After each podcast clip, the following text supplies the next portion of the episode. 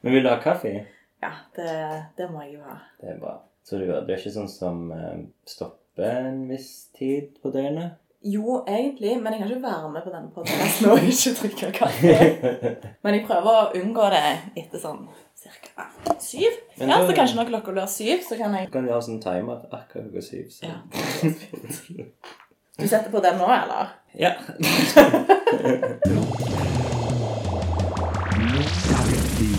Lunken kaffe.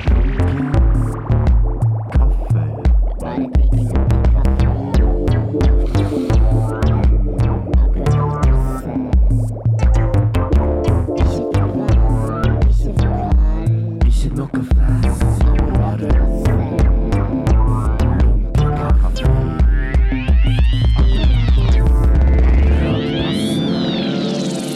Lunken kaffe. Lunken kaffe.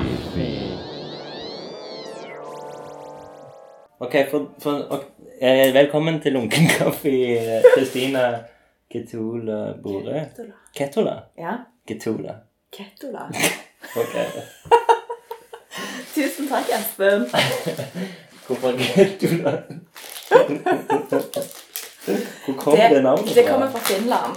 Å ja. Det kommer ikke Ketula. Å, takk. Det kommer for eksempel ikke fra Sør-Afrika, som noen Å, ja. har sagt. Så Og da er det, da er det Ketula. Aner ikke. Men det er fra Finland. Ja. Det er fra moren min sin side. Ok. Og så Bore. Det kan du jo Mm, mm. tippe hvor jeg er fra. Det er veldig lokalt. Ja. Jeg har jo sett i slektsdokumentene mine som Å ja. Jeg tror det var en tante eller noe jeg fant fram. Mm. Og da hadde jeg faktisk familie tilbake på 1600-tallet i Stavanger. Nei. Ganske kult. Gjorde du noe viktig? Det var en skatteoppkrever. ok. Og så vet jeg at det er masse prester. Huh. Mange generasjoner med prester. Ja, mange Hva som prester. skjedde der? Hva- Jeg vet ikke. Eller er du kristen, eller dere? Hele- Nei. Nei. Nei, altså, jeg kan ikke snakke for hele familien Nei, eh, nei. min, men jeg eh, er ikke kristen. Nei. Jeg er ikke det. Er du en kristen, nesten? Nei, ikke egentlig. Eller jeg er jo døpt, så kanskje jeg er det. Ja. Er du konfirmant? Konfirmert òg er jeg jo. Da Ja. er jeg jo kristen. Så da har du Ja. eh, Da har Men du jeg sier vedkjent det deg ikke det. offentlig. Og her er vi rett inn i de dype Mm. Men nå er vi jo på eh, kontoret til Studio 17. Har du vært her inne og sett før? Ikke på kontor, nei. Nei. Det har jeg ikke vært. Det er vel kanskje to år gammelt. Det er ikke så veldig trivelig. Det er ikke, eller er det Den det? Finnes det gulfargen er ikke- litt sånn intens. Finner du veldig- noe sjarm her? Jeg liker dette teppet, da. Ja. Det er faktisk fra, fra mor mi. Å ja. Gamle hjem. Jeg syns det var veldig fint. Og så liker Mm. jeg setupen her med en sånn liten pilar Ja, som du har satt opp. det den er jeg veldig fornøyd med sjøl. Ja. ja da. Pidestaden og Hvite stallen, ja. Mm. og det her med elementet i rommet som gjør Ja. at vi Ja. kommer ut på nettet. Ja, Dette her kommer kanskje til å bli en sånn to-lokasjonspodkast. ja jeg Ja. håper jo det. Ja. Nå har jeg tatt deg litt på senga med det, da. Ja. Det introduserte jeg deg for idet jeg gikk inn døra. At jeg hadde lyst til. Mm. Men vi får jo se. Nei, men jeg er veldig åpen for det. Det er Ja. kult med sånne twister. Sant? Sånn som jeg sa når jeg kom inn. Jeg vet jo at du trives veldig godt her. Ja. Så da tenkte jeg at eh, jeg skulle ta deg med til et sted som jeg trives veldig godt. I Stavanger? Ja. Mm. Så lenge det ikke er sånn to timers kjøretur eller Så lenge det går Nå har jeg en avstand. Nå har jeg en hvit van utfor som jeg skal hive deg inn i. Det er borestrand. Det går avstand. ok, men det, det kan vi jo eh, Når det har gått en time, så kan, det jo, Ja. kan vi jo stoppe, så Mm. kommer avsløringen. Det er jo litt Sant. spennende for på lytteren òg, mener jeg. ja. Mm. Ja. Og kanskje litt for deg. For jeg har ikke sagt til deg hvor det er. nå. Nei, nei, men Men ja, da, men her, her, det er mye sånn eh, spenning i hvert fall. Ja. Nå har vi liksom bygd en sånn spenningsark ja, som vi skal opp mot. ja. Men eh, jeg må jo si at jeg syns det er veldig koselig å bli invitert på podkast. Jeg Mm. føler at det er en sånn fin sånn innvielse i- til Stavanger. ja. Kommer tilbake til Ja, Stavanger. nei, bare for å det være var med liksom på dette. det første jeg tenkte når jeg så du fikk jobben på Kunsthall Stavanger. Eller Stavanger Kunsthall. hva det var. tenkte jeg, Kunsthall Stavanger. eh, da tenkte jeg ok, hun har jeg lyst til å ha gjest. For at eh, hvis vi går inn på segmentet lunkent bekjentskap, Mm. Hei sann! Hvem er du? En ny venn! Vær hilset, min nye venn. Hvordan kjenner vi to hverandre? Så trivelig med nye bekjentskaper. Gøy. Lunkent bekjentskap. Hvordan kjenner meg og deg hverandre? Vi kjenner hverandre fra 2005 på kunstskolen i Rogaland. Wow. Ja. Så jeg har gjort Ja. research. Jeg har vært på internett. Funnet gamle bilder av oss to Det sammen. har jeg ikke, men jeg tror at de finnes et sted. Ja, det tror jeg òg. Det er jeg helt sikker på at de gjør. For du gikk altså året etter meg. Ja. Altså, jeg gikk andre, du gikk i første. Ja, Da møttes vi. ja, det gjorde vi. Altså, jeg tror ikke vi gikk sånn tror ikke jeg tror- håndflate mot hverandre og bare Jeg kan ikke Hvem huske er å ha du? tatt deg i hånda Nei, jeg tror bare vi ble Det ble Nei. naturlig å bare være ja, i hverandre Kjenn. sin eh, om, Hva heter det?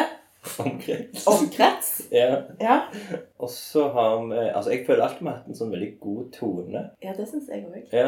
Jeg syns jo at du er veldig, veldig morsom. Jo, takk for det. Og det er jo en kvalitet jeg setter pris på i, i folk. Mm.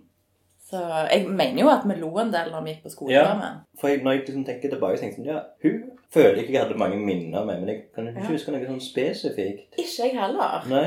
Jeg prøvde å tenke på det litt i dag, siden jeg visste at jeg skulle her. Mm. Og så tenkte jeg sånn Jeg vet at vi liksom hang ut sammen, Mm. men det er rimelig liksom blankt. Sånn, det er bare sånn en blur av kunstskolen i Rogaland-bygget. Ja. Men vi var jo litt på sånn fest sammen. Og... Ja, begge gikk jo ut blant folk og ja, det gjorde vi. Vi var sosiale. Men var du en av de som gikk på kunståpninger i den tida? Nei, Ikke du heller, nei. Og det hørte jeg at du snakket med Helga om. Mm. Men jeg lurer på om det var fordi det var liksom ikke så mye å gå på. Det kan Som, godt være. som hadde sikkert opplevdes relevant for oss. Mm. Så det er noen ting jeg tenker på nå når jeg kommer tilbake, at Stavanger som kunstby er liksom bare noe helt annet Ja. enn 2005 Fem. Kunstskolen i Rogaland. Ja. Storhaug. Storhaug, Rogaland, Norge, verden, universet. Men det som jeg husker, var f.eks. at vi gikk på Stavanger kunstforening. Å ja. Jeg mener det var med kunstskolen, om det ikke var Å ja, sånn som eh, altså Men- betvunget, på en måte? Ja, tung, tung. Obligatorisk Tvungen. eh, Ja. utflukt. Ja, at vi skulle ha en sånn omvisning der med Terry Nilsen Love. Mm. Hadde en utstilling. Og så husker jeg bare at vi satt inne i den der store salen der, og med bildene rundt oss, liksom. Og så, Sterk opplevelse. ja, så det, det er liksom det eneste jeg kan huske. Altså, jeg var på en kunstinstitusjon i Ok, Stavanger ja. og gikk på kunstskolen. Ja. Men jeg var mye på konserter. Ja. Sånn rock og Ja, sånne ting. ja sånn Rock og pop. rockemusikk. Men sånn, for jeg husker sånn checkpoint, for eksempel. Ja, Det var jo sånn stammeplass ja, som gikk. ja, hele veien. Ja. Checkpoint. Mm. Og så lurer jeg på om Gnu åpna. Ja, Gnu selvfølgelig. ja. Ja, Skjenkestuen var på en måte Iallfall husker jeg første året når jeg gikk der på Ja. skolen. Skjenkestuen. ja. Og så Sementen, kanskje. Eller hva? Vi var mest på checkpoint, altså. Ja, jeg føler det var en kjekk Ja, så det var Jeg tror gøy. det. Folket. Jo, litt. Ja. OK. Jeg lurer på om vi begynner å komme til bunns i hvorfor vi ikke husker så mye. Men Tau Tau scene var jo litt Ja. i gang. Ja, det var i gang. Ja. Og så, Jeg husker at vi gjorde en utstilling der. Mm. Vi hadde lagd en sånn stort seil. Var meg og deg på gruppa på. Altså, jeg gikk jo i en annen klasse enn deg. så Jeg tror ikke vi hadde sånn Hadde hadde vi ikke vi, sånn tvers Nei, kanskje vi ikke hadde det. Sånn begge år, jobbe sammen. kan jeg, Nå husker ikke jeg det. Ok. Men jeg vet at vi gjorde noe på Tau scene. Altså Ja, dette er bra radio. Men nesten husker ting. Ja. Litt, Ja. kanskje. Vi nevner jo litt navn da, på, Ja. på steder som eksisterte ja. på den tiden. Mm. På den tida som jeg pleide å gå på For nå er det jo 14 Mm. år siden. 14 år siden. Er det såpass? 13 år siden. Ja. 2006 var vi Mm. begge ferdige. Eller du var ferdig, og jeg slutta da tidligere. Gjorde du det? Ja, for Ja. du gikk bare for ett år, du. Ja. Mm. Og så Ja. tok jeg bachelor etter det. I Motejournalistikk. Der har vi det! Ja. Så bacheloren min er i fashion promotion journalism. ja. Altså, var det tre år med motes Mm. på på journalistikk? ja? Ja, tre år journalistikk, og så spesialisering innenfor mote. Mm. Og da begynte jeg å skrive mer og mer om design. Det som jeg synes var sånn superinteressant med det studiet, var alt som var liksom av sånn, det som på engelsk heter 'cultural studies'. Mm. Som er teorien, kulturteori, da, rett og slett. Og motehistorie òg er superinteressant. Og det er jo liksom populærkulturell Mm. historie samtidig. Så det syns jeg var kjempespennende. Og så syns jeg jo fortsatt at det, liksom, mote som et fagfelt er interessant. Ja. For det, det er et av de fagfeltene der liksom de visuelle elementene har en sånn De snakker så tydelig, på en måte. Mm. Og- Men var det en, en, et eller annet som du spesialiserte deg for? Type mote, eller sånn årstall? Nei. Rockemote? Rockemote! Sjekk på en kjærligmote. Oh Nei, det Ungdomsmote? Jeg prøver- altså, Barnemote? Ja, barnemote. Det Nei. fins vel ikke. Det er vel ikke noe Jo, tenk på sånn kjendiskids i Jo, men de bestemmer det ikke sjøl, da. Nei, Altså, da det vil, gjør de kanskje de ikke. bestemmer det meste de vil ha. Altså, Jenter vil alltid ha kjoler i rosa, Mm, og gutter vil ha sånn Ninjago. Du bare rett inn i kjønnskategoriene. ja. Så de liker Ninjago. ja, men det er jo bare dessverre sånn. Det er bare Ja. Når de blir litt større, kanskje når de begynner på skolen Kanskje når de er 10-12, da begynner de å få sånn ja. rebelske Men hadde ikke du noe som du, når du var liten, som du tenkte sånn Eller som du pleide å gå i, eller som du likte ekstra godt? Jo, men det var jo hvis det var sånn Mikke Mus på, liksom. Rett inn i Disney! ja, ja. Tenk, nå, nå tenker vi Altså, Altså, når du var før sånn- ti. Før ti. Ja. Ja. Det må du jo sikkert ha hatt. ja. Nå tenker jeg på deg. Ja, nå tenker du på meg. Nå står du meg. ja. For Jeg jeg- hadde en periode der jeg faktisk bare gikk i svart når jeg var liten. Oi. Den husker jeg ikke så mye av. Det er mor mi som har fortalt meg det. Ok. Og Du så hadde sa jeg- bare 'jeg vil ha svart'. Ja, jeg hadde bare lyst til å ha meg det. Du var bare sånn trist goter. sa du det? Jeg vet ikke hva det var, for jeg husker jo ikke dette. Ok. Men så husker jeg at jeg hadde pannebånd. Likte veldig godt pannebånd. Mm. Han som jeg er sammen med, hadde et utrolig behov for å bare gå i pologenser og joggebukser, for eksempel. Ok. Han er en classy type. som han sikkert hadde foretrukket å gått inn òg, tror jeg. Mm. Men jeg tenkte sånn Man har jo noen preferanser. Selv om det er Jo. Mickey, Mickey Mouse. Jo, men da er det vel ikke, da er det ikke som for motta. Har ikke, handler ikke det om hvordan andre ser deg, og, Jo. eller hvordan liksom, mediet har skapt liksom Jo, det handler jo om de tinga der. Altså for at du For liksom, sure. Hvis du tenker sånn, eh, sånn Pippi Langstrømpe-teorien, som er liksom Hun gleder seg akkurat sånn som hun vil. Det er jo Ja. Mm. en del av de ungene som bare ok, nå skal jeg bare, nå har de fått lov til å kle seg akkurat som de vil. Ja. Og da er du ikke så opptatt av hva andre syns, Nei. føler jeg. Nei, det tror jeg ikke. Nei. Mote trenger ikke handle om trender, på en måte. Nei. Det, kan, Hva- det er jo hva på en måte betyr mote? Du som er ekspert. Nå føler jeg at jeg har blitt gift meg inn i Nå har jeg sånn begitt meg inn i noe her. Motespesial. Ja, Motespesialen. Oh my god. Nei, altså jeg, Det som jeg syns er interessant med klær, og som Mm. jeg alltid har syntes vært interessant med klær, er jo f.eks. subkulturer. Mm. Hvordan folk bruker ting for å høre til, Ja. for eksempel, eller for å bryte med en samfunnsnorm. Mm. Det syns jeg er kjempespennende. Så det syns jeg også var superspennende når- når jeg studerte og leste masse om subkulturer. Mm. Og liksom de eh, visuelle elementene som har blitt brukt da, for, å, for å høre til. Mm. Og da er det jo liksom det mest nærliggende er jo kroppen den, liksom. Ja. Jeg vet ikke helt om jeg liksom ville sagt at det er sånn Det er jo trender i subkulturer òg, men så har du jo sånne subkulturer som bare har sett ganske like ut i sånn 40 år. Sant? Sånn punkekulturen, Mm. for eksempel. Metal. Ja, metal. Den er litt sånn Hiphopen har forandret seg litt. Den har forandret seg. Seggebukser har forsvunnet. Ja, det er liksom den stramme buksa som har Ja. Men det er jo kanskje også fordi at den har liksom et kontemporært uttrykk. Mm. Altså Deler av punkscenen har jo det òg, men hvis du er en sånn eh, type 77-punker, Mm. så er det kanskje liksom Da er du låst i det. Jo, det er sant, det. Det utvikler seg ikke så mye, i den sjangeren. Nei, den liksom Det kommer jo nye ting. Jo, Men så jo. er det jo folk som på en måte eh, forholder seg til den ene delen da, og ønsker bare liksom forbli i den ene delen. Mm. Og det er jo superfascinerende. Ja, ja, ja, absolutt. Jeg syns det er veldig sånn interessant å være, eller være del av en motkultur som er sånn 40 år gammel. 49 år gammel, er det ikke det? Nei, OK. Da- Telling og sånt. det- Ja. Det gjør vi ikke helt. Ja. Gjør vi ikke. Det er en del eh, sånn eh, tegneseriefolk, siden det er på en måte mitt felt, da, Ja. som, som stopper i, sånn, i 1930-tallskledning. ja. Sånn hatt og denne Ah. Ja. type eh, dresser, liksom. Og... Med sånne um, Hva heter det? Ja, sånn. Ja, ja, ja. Suspender. Suspender. Selebukse Er det det? Sikkert at du ikke har studert jo, det er i Norge. litt fashion. Ja, selebukser. Hornbriller føler jeg òg er en sånn. Kjenner du til det uttrykket? Hornbriller. Mm. Jeg vet hva du mener. Ja. Eh, og håret er jo også sånn der kort på siden, altså litt sånn Mm. navy-aktig klipp, nesten. Ja, jeg skjønner akkurat hva du Ja. mener. Ja. Det er ganske mange av disse litt store tegneserieskaperne som bare den stilen har de Men ser du det i det de lager? Ja, noen av de har liksom den der eh, sånn de New Yorker cartoon-stilen, Ja. på en måte. Ja. Fra 30-tallet. ja.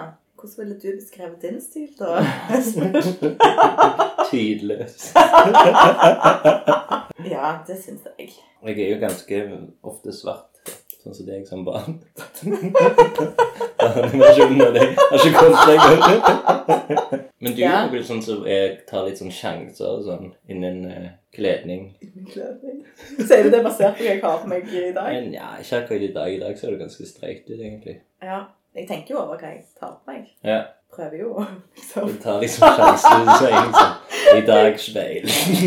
Nå, denne torsdagen, nå smeller vi til! Ja, nei, jeg liker jo å liksom ehm, uttrykke meg gjennom klærne mine. Mm. Men har du sånne sånn ballkjoler og sånne ting? Om jeg har ballkjoler? Nei. Hva var det noen fine kjoler jeg liker ekstra godt? Ja. Ikke så mange av ballkjolene. Har du en smoking?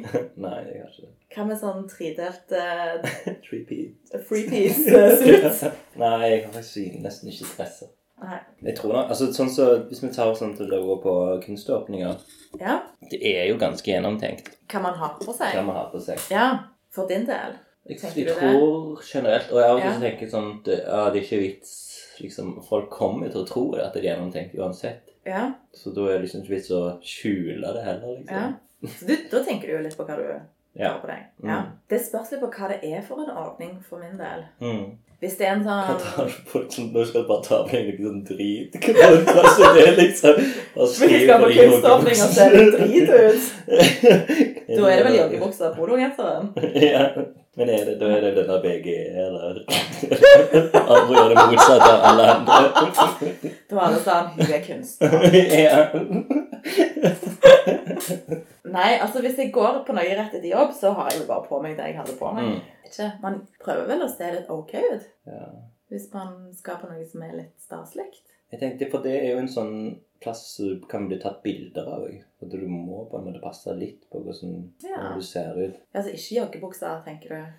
Greit å ikke ha den der grå joggebuksa med sånn knep. Sånn. Og så sånne Altså sånn eggflekker på Det får jeg Ja. alltid på mine joggebukser. Hver gang jeg har kjøpt en ny joggebukse. Så er det sånn spiser jeg- Gud.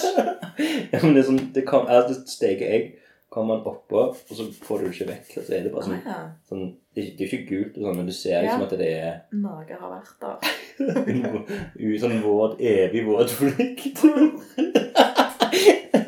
Åh! Du liksom maler sånn bilde for meg. Jo da, jeg prøver vel å se ok ut. Nå jobber jeg jo på en kunstinstitusjon. Mm. Så når vi har åpninger der, så er jeg jo veldig bevisst på at Ja. jeg har på meg noe.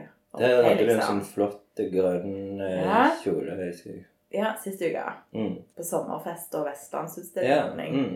Ja, mm. da hadde jeg på meg en grønn skjorte. Og da hadde du òg tale Eller introduksjon. eller Ja, ja. Presentasjon. Intro og litt sånn takk. Småsnakk. Takking og litt småsnakk. Ja vel. Mingling. Da var vi her, da, på Kunsthallen. Ja, Toastmastering. Et par vitser Ja. inni der mellom fyl Rogaland fylkeskommune sin leder og Marte Gjølbo. Men er det noe du har gjort mye? Sånn offentlig taling? Ja, litt. Jeg har undervist en del. Ja. Så da må du jo snakke Ja. litt offentlig. og så um, har jeg holdt litt foredrag og sånn. Mm. Når jeg var ferdig med masteren min, så flytta jeg tilbake til Oslo. Du ble en master til slutt med den Nei. eh, Ikke i det. Nei. Det var en bachelor. Ja. Og så var jeg litt i Oslo. jobbet litt. Og så bestemte jeg meg for at jeg ville ta en master etter det. Og så flytta jeg tilbake hjem til London og tok en master i designkritikk. Ja. Som var en sånn master som hadde liksom, tok teoretisk fokus, Mm. men òg fokus på skriving, kritikk, kuratering. Mm. Det infrastrukturelle da, som fins i f.eks. i kunstfeltet og i designfeltet. Ja. Så, eh, men da flytta jeg tilbake til Oslo, og så ble jeg bedt om å være konferansier på en sånn kjempestor konferanse som skulle være. Det var to dager, og så var det kanskje rundt 400 mennesker som skulle være i salen. Og så skulle det være internasjonale talere og foredragsholdere, og så skulle jeg liksom introdusere alle og ønske velkommen. Hva, og gjøre de hva var tingene der. dette for en eh, Det var Grafill sin visuelt-konferanse. Ok. Eh, Hva år er dette, cirka? Hva år er det? 2012. 2012. Mm. Ja, og den jobben hadde jeg veldig lyst til å si nei til, for jeg syntes det var Ok. så skummelt. Ja. Og da var du designkvinnen. Ja, da skulle liksom jeg opp der med mikken, eller den Madonna-mikken, helst da. Og Den liksom grønne kjolen. Ja, og den grønne kjolen. Nesten den grønne kjolen. Og liksom ønske velkommen og Ja. um, gjøre en god jobb foran alle disse menneskene. Mm. Og da husker jeg at jeg brukte liksom su- superlang tid på å bare finne måter å roe meg sjøl ned på. Og Ok. at det skulle gå greit. Så da har jeg et par ting jeg sånn ennå tenker på. Blant annet Mm. Carly Simon. Ja eh, Husker du hvem Carly Simon er? Et eller annet You Can Call Me Maybe. Nei, det er Carly Rae Jepsen. Men hun liker Det var meg. nærme. Det var nærme. Ja. Call me This is crazy. Call me baby? Call me maybe. Eller baby? Jeg husker Nei, jeg ikke. tror det er Er det maybe? Så call me maybe. Call me baby, Ja. da er det jo litt sånn eh, Det er litt sånn han antifeministisk. eh, Ja. Men ok, Carly Ja. Simon, det Ja, er Carly Simon. Hun, jeg tror hun slapp sitt første album sånn på slutten av 70-tallet. Ok, Ja. så det er ikke et sånt Ja, det er ikke en kontemporær eh, Popstjerne. popstjerne. altså, Nei. Åh, Hun ok. er forresten et moteikon. Ja. apropos. Mm. Ja, Veldig bra fashion. Det kan du jo google Ok. etterpå. altså. Ja, det skal jeg gjøre. Ja. Mm. Um, Stoppe klippinga og Ja, drive. bare Ta på pause alle der hjemme. ja. Eller på bussen. ja, eller på Mm. bussen. Rett på internett. Carly Simon. Carly Simon. C-A-R-L. S-I-M-O-N. Ja. Men den sangen som sikkert flest kjenner, hun er den der 'You're So Vain'. ja. Det er hennes. Og så tror jeg også hun har et James Ok. Bond-soundtrack. og så masse, masse annet bra. Kult. Men det som jeg liker, eller som gjør- gjorde at jeg tenkte på hun, Mm. det er fordi Carly Simon gjorde en opptreden på 80-tallet på Martha's Vineyard, som er den der, det der Jaws ble spilt inn, tror jeg. Ok. Steven Spielberg. Ja. filmen. Ja. du kan ta sånn. Jeg rynker begge tider på øynene, men uh, Martha's Vineyard Jeg trodde det var en sånn restaurant. Liksom. Men ok. Nei, det er en sånn øy. Det var egentlig en blindekoloni. Ok. Og så ble det til et sånn ferieresort som bare har blitt mer og mer sånn luksuriøst og veldig sånn waspy. Mm. Men Carly Simon var der på 80-tallet og hadde Ja. konsert, utendørskonsert. Og Mm. hele den konserten ligger på YouTube. Ja. Du tar på pause og Og den så du på før du skulle opp på eh, Et av de talebenken? numrene- Ja, fordi der er hun bare så fantastiske i den konsert. Som er sånn, For det første så ser det helt fantastisk ut fordi alle er i pastellklær som bare blafrer i en sånn svak sommervind med en solnedgang i bakgrunnen. Så det er liksom bare sånn 80-talls corny, Mm. kjempe, kjempefin video. Ja. Men hun er bare så komfortabel på den scenen. Så Ja. hun liksom bare Måten hun beveger seg på, måten hun er liksom bare helt avslappa. Mm. Så det var liksom den tingen jeg tenkte på, og den tingen tenker jeg ennå på. Ok. Så det har liksom blitt min sånn mantra Jeg vet ikke hva du hadde kalt det for noe. Um, ritualer. Et ritualer. ritual, ja. Mm, Ja, det jeg er det. tenker på det. Mm. Jeg tenker på Carly Simon på Martha's Vineyard. Mm. Og så blir jeg litt sånn rolig. Så du trenger ikke se det liksom Nei, jeg har det oppi her. Ok. Oppi Wow. nudda. Der Bra sitter nydd. Ja. Bra jobba, nudd. Så da tenker jeg på det. ja, så bra. Og Kan- da er du helt Nei. Jeg er alltid litt nervøs. Ok, ja. Så ser du noe de liksom Publikum og bare faen. Ja. Så bare Svetten bare Sånn sånn enorme svetting. Rart som bare sånn utvikler seg. drypper. Jeg krysser fingrene mine. Mm. Er det, nå er jeg klokka syv. Ja, nå Nå er kanskje ikke jeg- det bare- Nå kan ikke jeg drikke mer kaffe. Nei, Nei, det er greit. da må du helle det i min kopp. Ja. Vær så god. Espen. Og så har du nesten ikke rørt den. Du har Nei, jo fulgt på. Jeg fulgte på litt. det er sant, Ja. det. Ja. Lunken kaffe. Men videre em, Nå har vi vært i 2012. Grafill-arrangementet som du Ja. Det gikk bra. Det gikk veldig bra. Mhm. Carly fikk meg gjennom. Ja. Ja, det gikk bra. Jeg var så glad etter det. Jeg var så utrolig sliten òg, husker jeg. ja. Etter bare å ha vært sånn på. Men hvor lenge varte det? Det var to fulle dager. Ja. Så det var liksom eh, ni til fire. Der du skulle bare være liksom Skulle være sånn, imøtekommende og- Jeg er så glad for å ønske Espen opp på scenen, der han skal synge litt for oss. ja. Jingler. Ja, noen jingler. Siden vi er inne på det med synging og sånn Jeg har Ja. fått nå på eh, Ja, etter Vestlandsutstillingen Ja. så dro Du vet, vet du hvem Sander Lilleide Hage er? Mhm, ja. Mm. Han hadde jo kommet på sånn eh, tredjeplass i NM i karaoke på Piren. liksom. What? Oh my god. Sander har så mange skjulte sider. det er alltid noe nytt å oppdage. multi- Multitalent. Ja. Når jeg var på, på Vestlandsutstillingen, spurte jeg han Ivar liksom, Ja. hvor er Sander i dag. For jeg liksom har lyst til å høre han synge liksom, på Piren. ja. Og så ringte han Sander og sa bare sånn «Nå, Du må komme ned, Espen Nilsen. Hører jeg synge. Oh my god. Han bare I'm there. ja. Så han eh, som gikk ned, en liten gjeng på Piren pub, og så sang han, da. Og det var liksom Hva han sang for noe? Da sang han den her You can call me out Å ja, ja. if you be my bodyguard. greiene. Og så skulle jeg synge òg. For jeg jeg ble liksom sånn OK, nå skal jeg òg synge. nå skal jeg synge. Ja, Nå skal jeg konke ut han tredjeplassen. jeg var ikke så imponert. Jeg kan bedre. Gi meg den mikken. Ja. Så tok det veldig lang tid før jeg klarte å valge- velge sang, men så bare OK, fant jeg bare liksom Jeg så bilder av at du sitter på piren sånn febrilsk og blar gjennom mens han er på scenen. Kom igjen. Tredje sangen han har, og masse Ja. jubel han får. Elsker deg, Sander! Men Nå. det var så løye, for det var sånn, sånn slides liksom i pausene når det ingen sang, så var det Mm. liksom bilder av Sander liksom fra tidligere. To forskjellige ganger.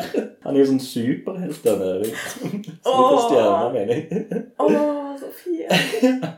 Altså, det er jo en telefonkatalog av en bok, liksom, den Ja. der, eh, alle sangene de har. Ja. Så til slutt så bare sånn, ok, det er en sang som jeg tror jeg kan, og det er Justin Bieber med Cry Me A River. Bra valg. Ja. Eh, Så går jeg opp, og da tror jeg egentlig jeg var litt sånn overstadig beruset. Hvis du har sittet der og hele øyet og bladd Jeg skal liksom trykke meg mot i det å synge òg.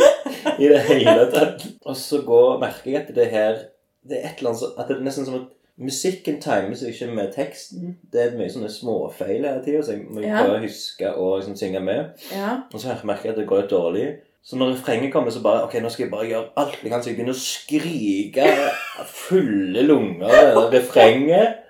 Og liksom bare fortsette og fortsette og bare synge med. Så Lage, lage som alle Ja. lydene, liksom. Så du står på piren her og skriker 'Cry me a river'? Ja.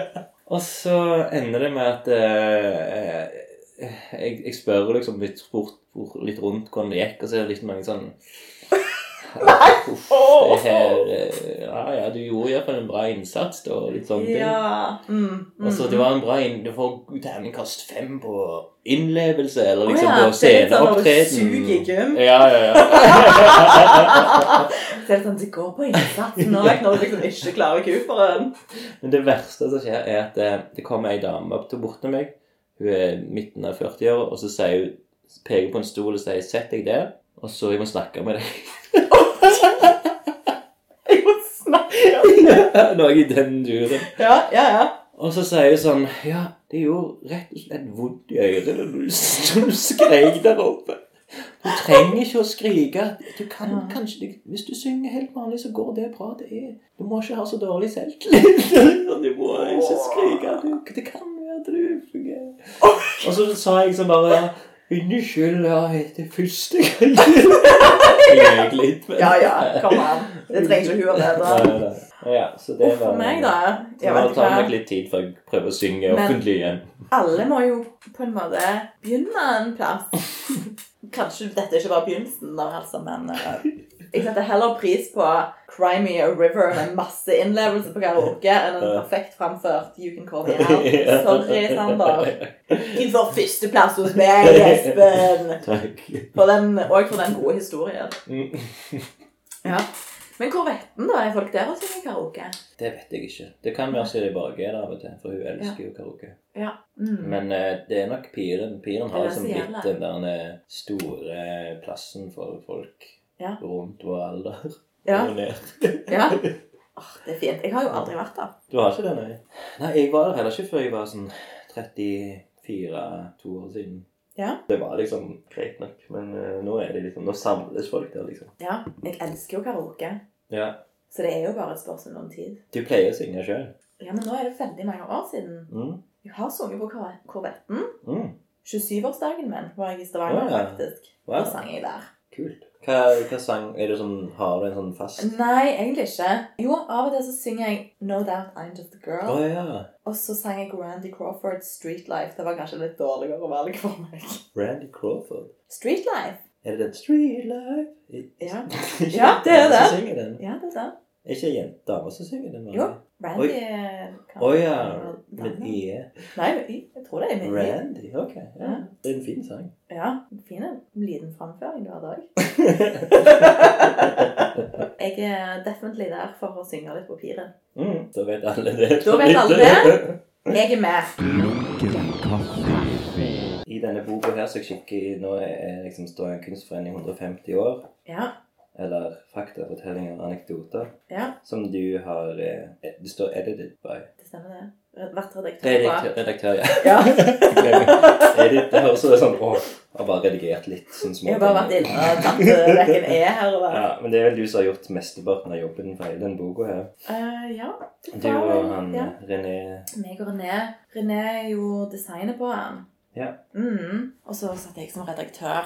Ja, for her står det Du har en master i designwriting, det har vi nevnt nå.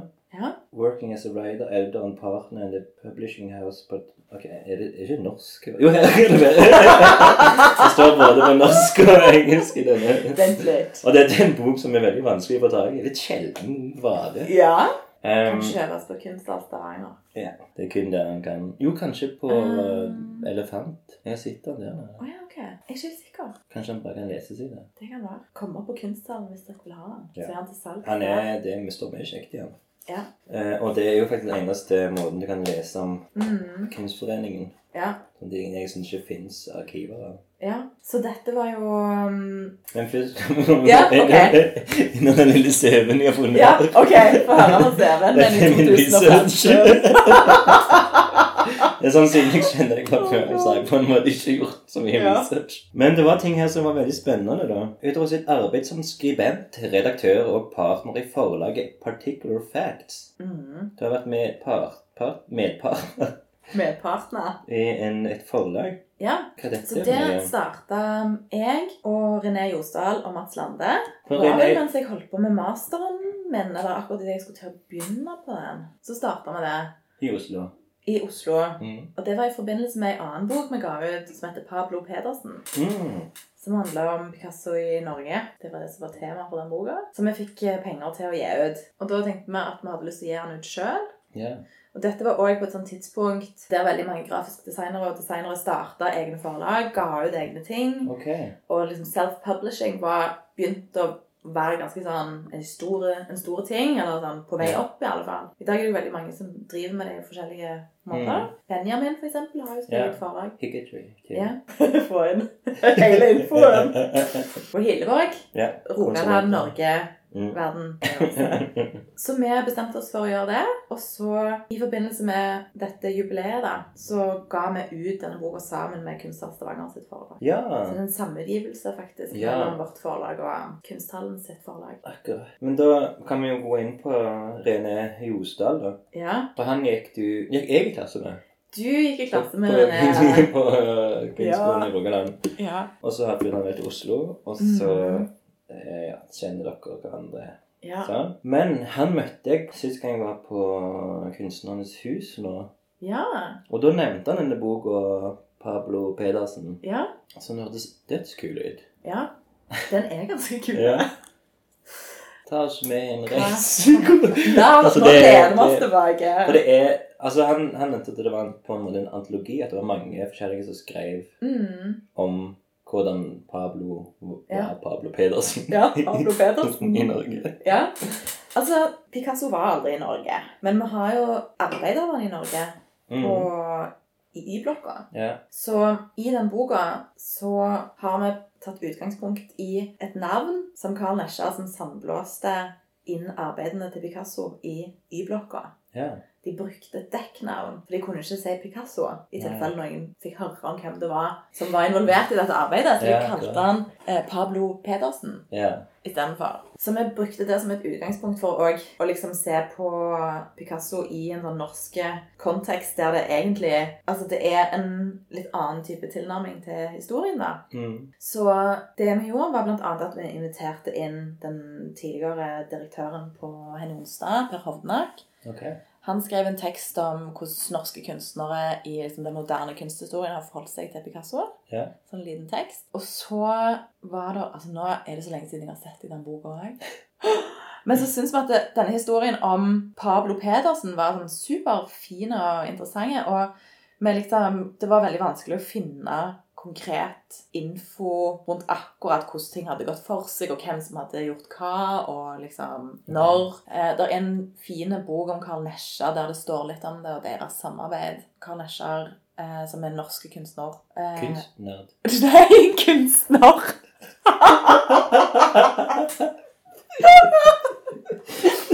Om du syns jeg snakker litt uklart Nei, det var bare jeg hadde ikke Ja. hørt navnet før, så jeg Ja. var liksom Å, Ja, den Karl Nes- kjent kunstnerden. Han kunstneren her nede i Løkkeveien. Nei, ok. Eh, Ja. Ja, Mm. Karl Nesjar. Han er blant annet kjent for Sorry. Ja. Han er kjent. Han er kjent for eh, skulpturer som han har lagd, som skifter eh, i forhold til sesongen. Så om sommeren så spruter de ut masse vann, Ok. og så når det blir vinter, så fryser skulpturene. Ja, ja, ja. Så er det spesielt en sånn globe som jeg tror står ute på Gardermoen. ok. Som er veldig sånn eh, assosiert med han. Og så var han den første til å bruke sandlåsningsteknikken ok. i forbindelse med Erling Sjø, er det han heter? som var arkitekten på regjeringskvartalet. Og han brukte jo sånn naturbetong, som var sånn småstein blanda inn med betong, som er en norsk byggeteknikk. Kom ifra Norge og ble brukt mye i sånn brutalismen. ok. Og så utvikla Karl Nesjar en måte å sandblåse inn motiver da, i den betongen. Mm. Uansett. Karl Nesjar, Picasso hadde et samarbeid. Ja. På forskjellige måter. Men så tenkte vi istedenfor at vi skal liksom prøve å skrive opp den historien som delvis er fortalt allerede, og der der ikke, de hullene som mangler, er egentlig ikke går an å fortelle Mm. eller finne, så spurte vi en eh, forfatter om å skrive liksom en fiktiv historie om Pablo Pedersen. Ja. Og når Pablo Pedersen kom til Norge. Hva heter han forfatteren? Olav Løkken reiser opp heter han. Så han skrev en eh, tekst om Pablo Pedersen. Det var det en som heter Theodor Barth, som er professor på KIO i designavdelingen der, som skrev en tekst om en av hans studenter som hadde jobbet med et arkivarbeid på Henny Onsdag Ok. av Picasso, Mm. og liksom lagd noe nytt ut av det. Og så intervjua jeg fire samtidskunstnere om deres relasjon til Picasso. Ok. Blant annet Torbjørn Rødland, som er herfra. Mm. Som eh, hadde et eh, Picasso-bilde tror jeg, hengende hjemme når han vokste opp. ok.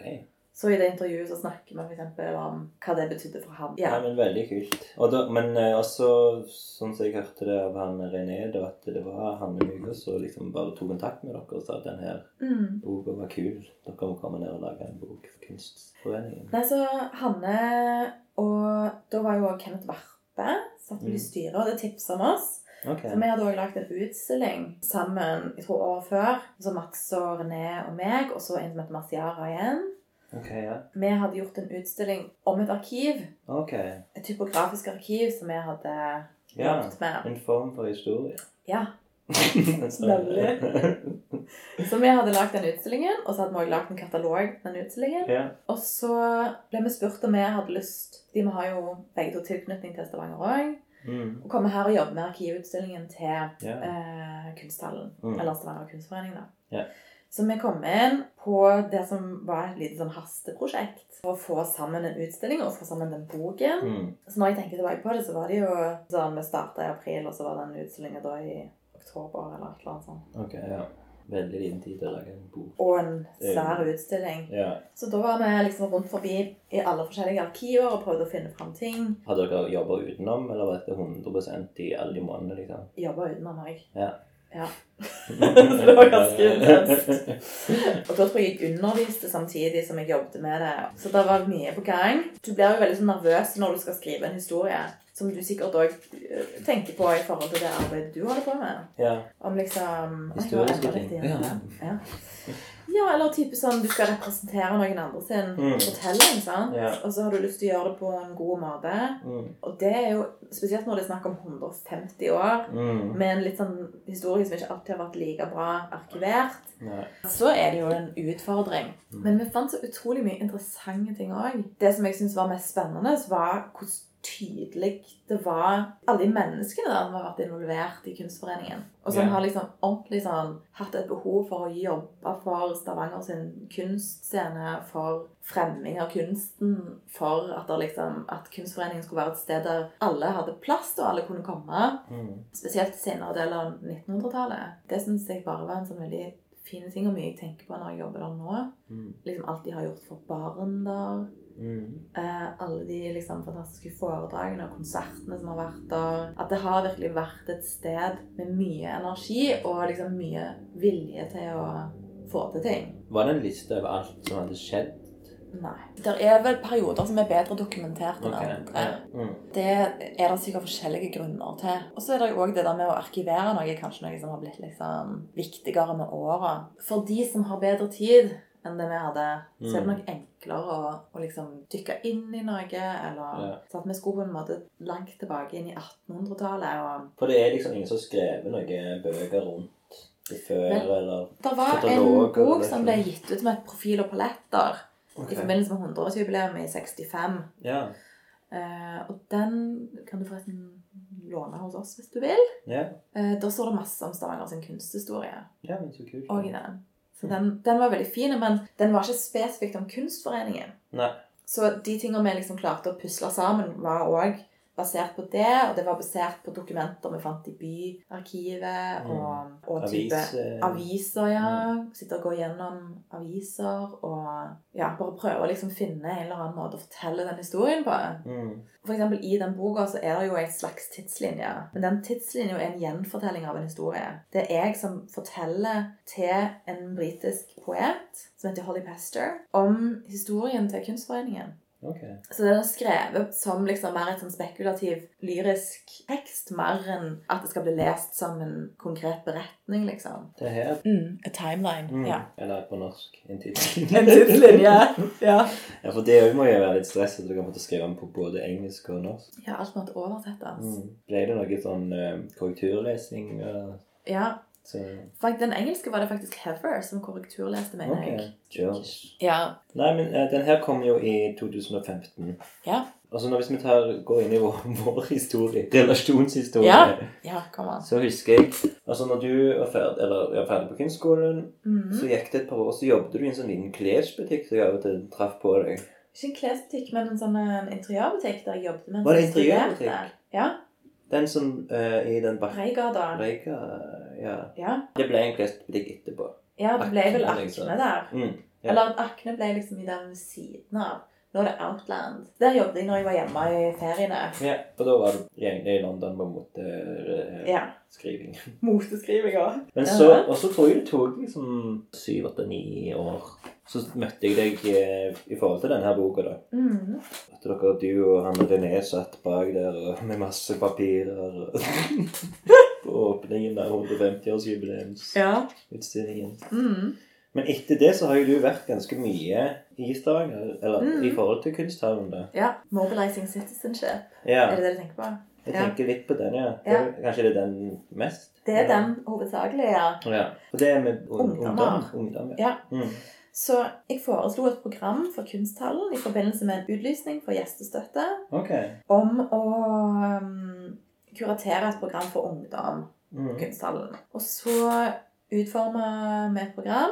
det var vel meg og Maja, hovedsakelig Maja Økland, om hun Mm. ennå jobbet der, Ja. som snakket sammen om det. Og så fikk vi støtte fra Kulturrådet da, Ja. til å gjøre det. Mm. Og da, det er altså halvannet år siden det starta opp. Så da har jeg Vi har jobbet med én gruppe ungdommer hvert semester som har fått møtt forskjellige kunstnere fra hele verden. Og paraplyen liksom for programmet Mm. har vært å bli eksponert for forskjellige kunstneriske strategier og metoder Ja. som handler om å liksom ta til ordet eller ta del i det offentlige rommet og diskursen. Ja. Det er det som er hovedformålet. Og så har vi hatt forskjellige fokus gjennom semestrene. Så det første semesteret så handler det mye om å liksom okkupere offentlige rom. Ja. Den gruppa med ungdom de jobbet bl.a. med å lage sin egen protestcelle. Mm. Og så jobbet de med performance. Mm. Og performance i offentlige rom. Eh, Hvor var disse offentlige rommene? Byen var de da. Ja. Den, da var de nede på Torganmeldingen bl.a. sammen med Synnøve Susåg Vetten. Ok. Og da så de på um, forskjellige performance-strategier fra sent 1900-tall. Og liksom hvordan kan vi tenke rundt performance i dag, og hva føler dere at dere kunne gjort og har lyst til å gjøre. Mm. Da tok de over et sted på Torgallmenningen, Ja. blant annet. Og så semesteret etter der så jobbet vi med teknologi. Det syns jeg også var veldig fint, fordi flere av de kunstnere som kom inn, jobber med liksom lignende verktøy som det ungdom bruker i hverdagen sin. Instagram og video og Ja. foto. Mm. Og da snakket vi også mye om hvordan Instagram er et sted å lage kunst på, f.eks. De lagde en utstilling som kun var tilgjengelig i 24 timer. Ok.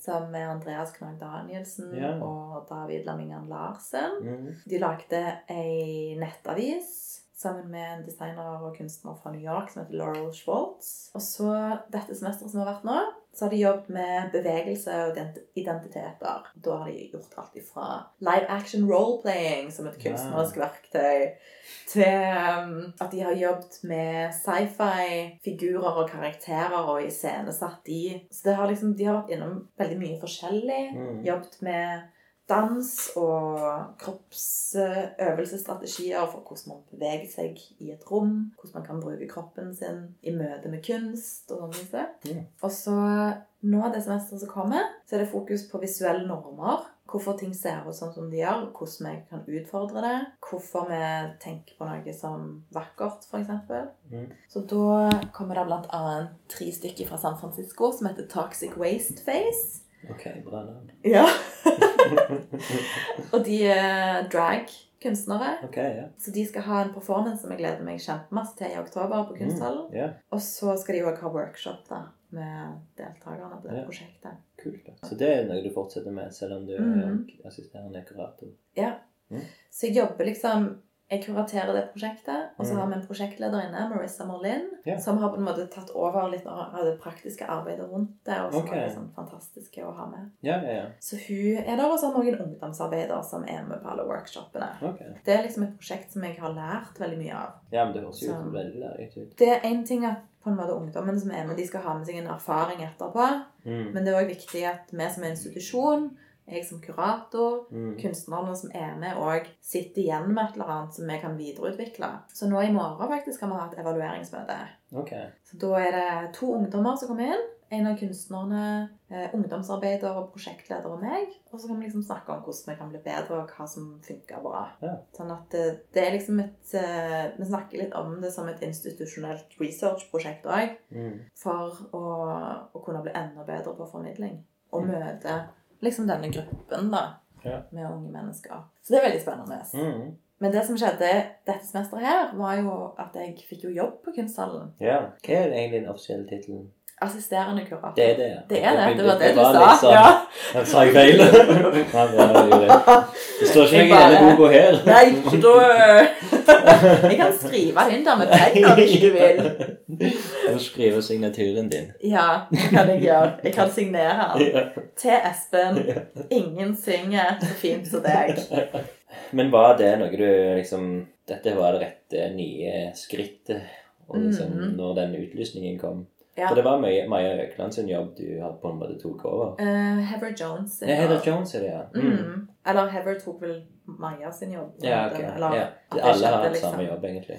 Jeg lurer på om Heather ikke begynte som assisterende kurator, men på en måte ble det. Ja. Eh, Ja, for når vi Maja jobber- slutta. Men sånn- Jeg vet ja, faktisk nei, ikke kanskje. helt. Men det er det som er min jobb, i alle fall. Mm. Ja, Det spørsmålet var jo Ja. egentlig var det det det- rette Eller hvorfor Eller det valget der, å ta det valget. For du, mm. du bodde i Oslo. Trivdes Mm. kanskje der? Jeg var lei av Oslo. Du var lei av Oslo? Ja, Ok. jeg var litt sånn OK, nå må vi gjøre noe nytt. Jeg hadde ikke tenkt at det skulle være Stavanger. Det må jeg jo helt ærlig si. Ja.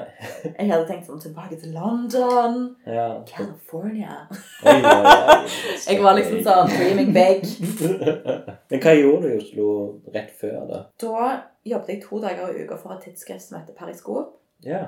Det er et interdisiplinært kunsttidsskrift Mm. som skriver hovedsakelig da om hvordan barn og unge møter kunst. Og Det var opprinnelig et tidsskrift som ble oppretta i forbindelse med noe som heter Kunstløftet, som var en åtte år, gammel- åtte år varig satsing fra Kulturrådet, som handla om kunst for barn og unge. Mm. Og så merket man at man trengte på en måte et kritisk organ til å kunne diskutere rundt det som skjedde, og være med å bygge opp liksom en kritisk diskurs. da. Mm.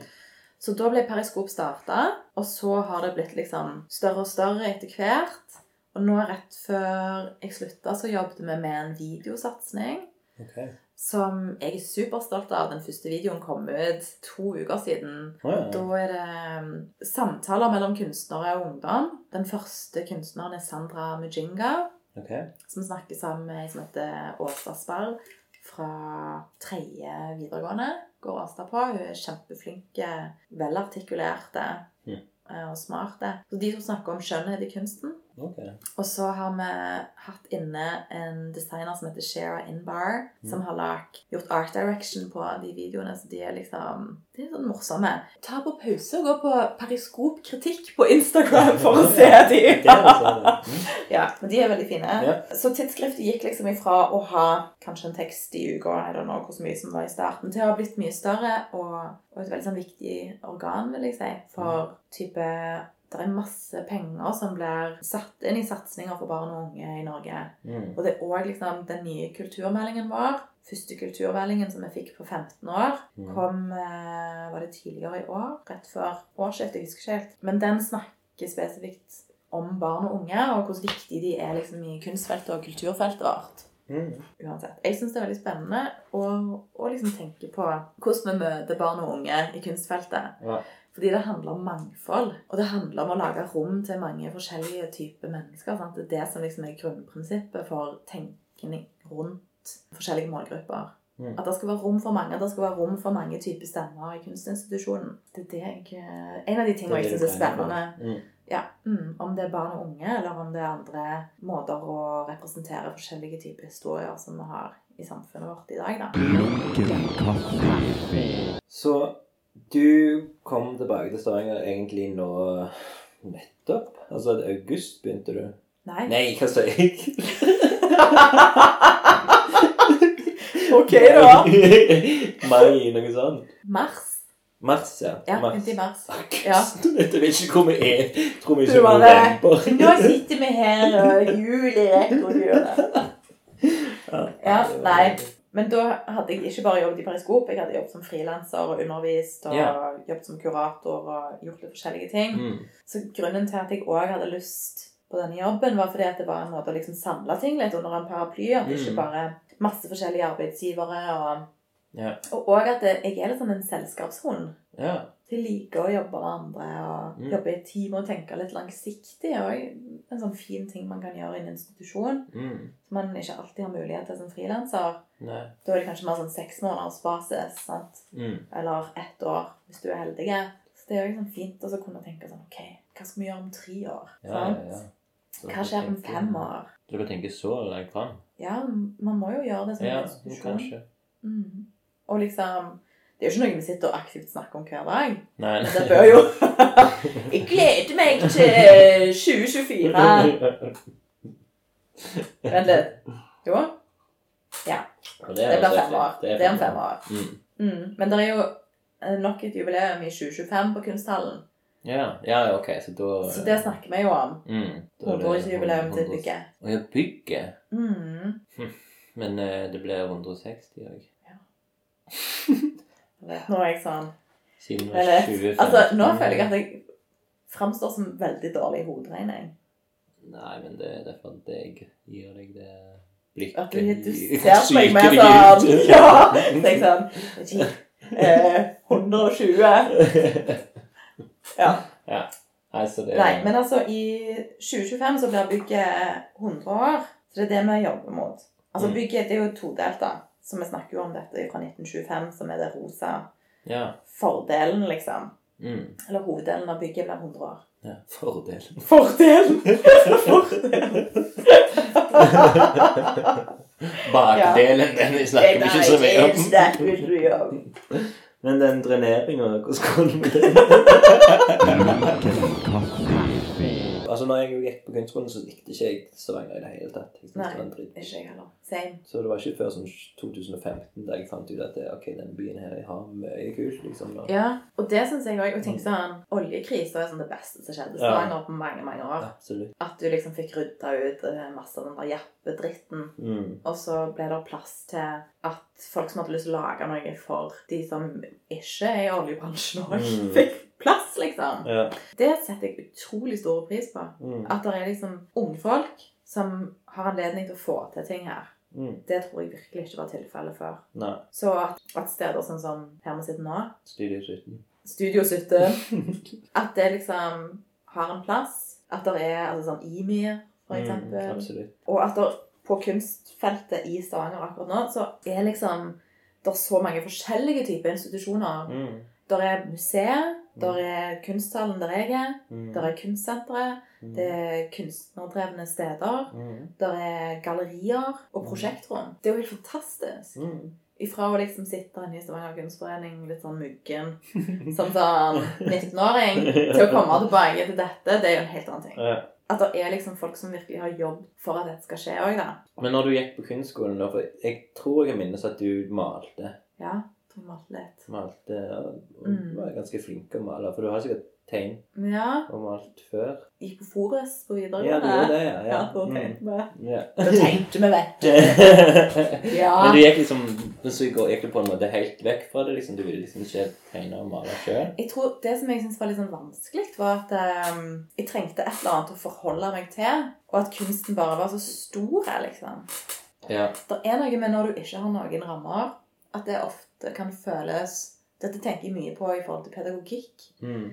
At vi liksom snakker om at vi vil gi folk løse tøyler, og eh, at de skal få lov til å tenke akkurat som de vil, og at det er viktig å liksom, gi plass til de autonome stemmene. Mm. Og innenfor kunstpedagogikk så er det liksom en idé om at man bare skal sånn la folk gjøre. sant? Ja, ja, ja. Og det, det kan jo være veldig fint hvis du er en person som allerede har en retning. sant? Mm. Men når det ikke er noen som helst brief eller noen som helst ramme eller noe du kan velge å bryte eller forholde deg til, så er det som at du inviterer noen inn i et spill der du ikke har fortalt deg av reglene. ja. Jeg tror det var det jeg sleit med ja. på, i liksom en kunstutdannelse, og det Mm. er jo òg liksom en personlig lesning, da. At jeg bare jeg trengte et eller annet å liksom stå imot Ja. på en eller annen måte. Og det fant jeg i å studere noe som hadde en teoretisk retning i seg, som handla om noe veldig konkret. Mm. Der du liksom skjønner litt sånn OK, her er hovedstrømmen, Mm. her er sidestrømmene, og her er liksom feltet. Og nå kan jeg finne ut hvordan jeg vil. Hvor jeg vil være henne. Du holdt liksom interessen for kunst hele tida. Ja. Ja, for jeg òg hadde det når jeg gikk på kunstskolen. at liksom, Det var jo det at du bare ble hevet inn i et åpent rom liksom, og ja. fikk et par ting som du skulle lage et eller annet med, og du hadde ingen peiling på hva det skulle hvor ble. Og det funka sikkert veldig bra for noen. For de som har en tanke når de kommer inn, Ja, eller sant? før de kommer inn, liksom, sånn, Ja. hva de vil. Men det Ja. er ikke bare sånn Kreativitet! Det er et prosjekt! Så det, jeg var jo, gikk jo vekk fra kunst. Jeg hata jo kunst i sånn, sikkert ti år. Mm, Det er bare sånn, Jeg syns kunst ble for dumt. Jeg syns det handler om trender. mm. Og det gjør det jo òg, for sånn. så Ja. vidt. Jo, det Ja. gjør det. Ja. Men jeg syns bare det, som det, var mye, det var mye falskt. Det var mye sånn hierarki som jeg ikke takla. Så, Mm, så derfor liksom gikk jeg over til animasjon. Så da var liksom, for da ble jeg veldig opptatt av historiefortelling og liksom sånne ting. mm, Men så når jeg kom tilbake igjen til kunst, så er jeg liksom oppdaget jeg sånn 2015 tilbake der, så oppdaget jeg jo kunst for første gang, egentlig hvor mm. kult det var, hvor spennende det var, hvor, hvor kule kunstnere var, liksom. Hvor Mm. gøy det var liksom, å snakke med de. Og, Hva, hva var det som gjorde at du fant tilbake til Fant tilbake til kunsten? Hvem er det som gjorde det? Ja. Nei, det var jo miljøet rundt det. At jeg traff veldig, veldig mange folk som Mm. faktisk var veldig morsomme og, ja. og kule, og, og, og lærte av de. hvordan- Og så var det liksom sånn at Det livet vil jeg òg leve litt, liksom. Mm. For, på grunn av at jeg hadde levd veldig som animatør, som er liksom så streit og kjedelig.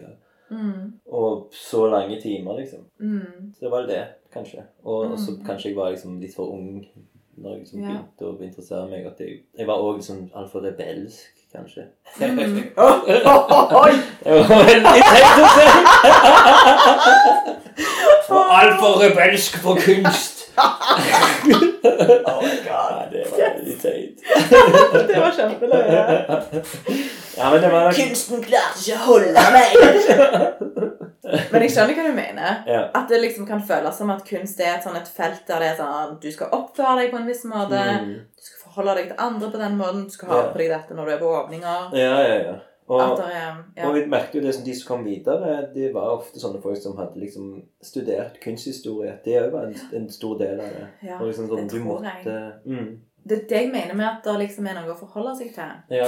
At du skjønner sånn Dette har skjedd, eller dette har blitt gjort, eller dette skjer. Mm. Og det er jo òg en sånn ting når jeg underviser, at jeg oppmuntrer studenter til å virkelig liksom følge med. Gå på ting, se hva som skjer, Mm. sånn at du skjønner hva slags bidrag du kan ha. Mm. Sant? Og hvordan du, hvordan du kan bryte med noe hvis du ønsker det, Mm. eller hvordan du kan fortsette et eller annet. Eller. Absolutt. Og dette er jo ikke en kritikk av kunstskolen, for jeg syns egentlig at kunstskolen var et fantastisk sted. på Ja. mange måter. Og jeg husker jo eh, når vi fikk disse her, eh, evalueringene Ja. Så jeg, jeg fant de fram sånn i fjor. Ja. jeg har liksom vært på loftet til mor mi. Ja.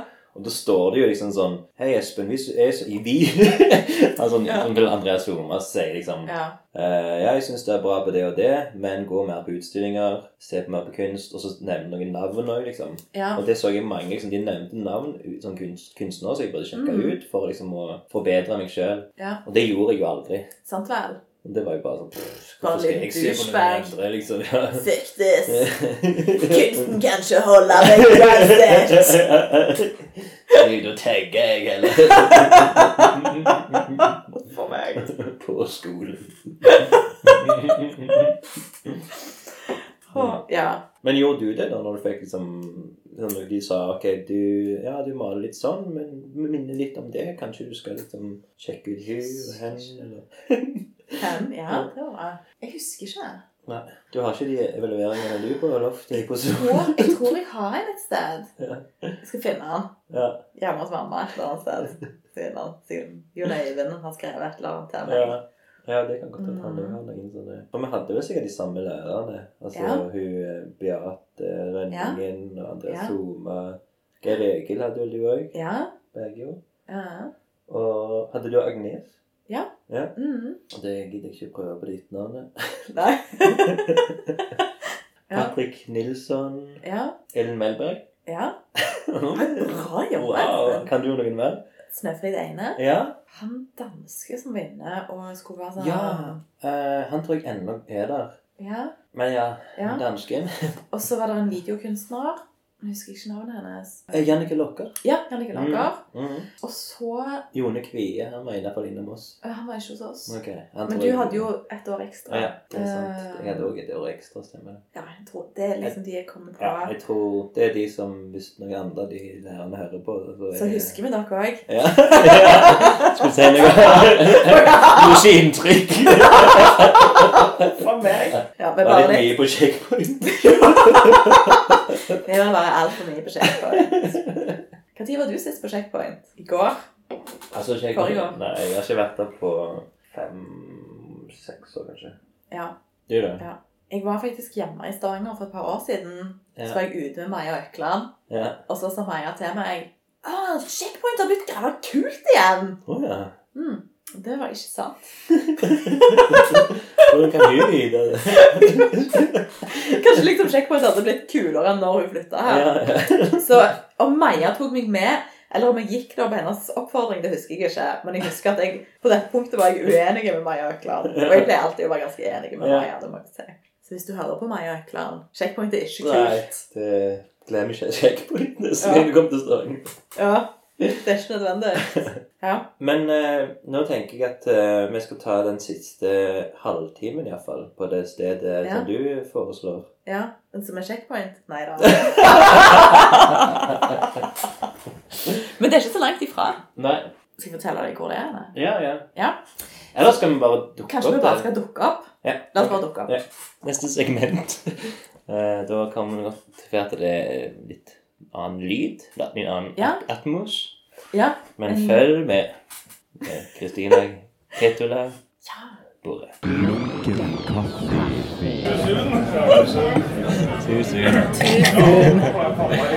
Ok, eh, Kristina. Nå Ja. er vi eh, på Kardinal. Yes. Din eh, favorittplass i byen. Det- ja. trygg- trygghetsplass. Kanskje litt begge deler. Mm. Dette er definitely eh, favorittstedet mitt i Stavanger. Det er det, ja. Ja, det er det. Uten Ja. kunstner Stavanger, selvfølgelig. Ja, ja, ja. Ja, Mm. men dette er sånn Her jeg alltid eh, drar når jeg er hjemme på besøk i Stavanger. ja. Jeg Har gjort trives det i mange år. mange år. Ja. Jeg elsker dette stedet. Og jeg tror, jeg tror at det handler om at jeg er liksom Jeg er litt anglofile, Mm. som det heter så fint. ja. Og dette, jeg får litt sånn følelse av å sitte i engkammer jeg sitter her inne. Og at det er litt sånn, sånn pub-vibe. Kulturen, ja. Ja. Pluss at der, interiøret her er jo bare helt fabelaktig. Jo, det er sant.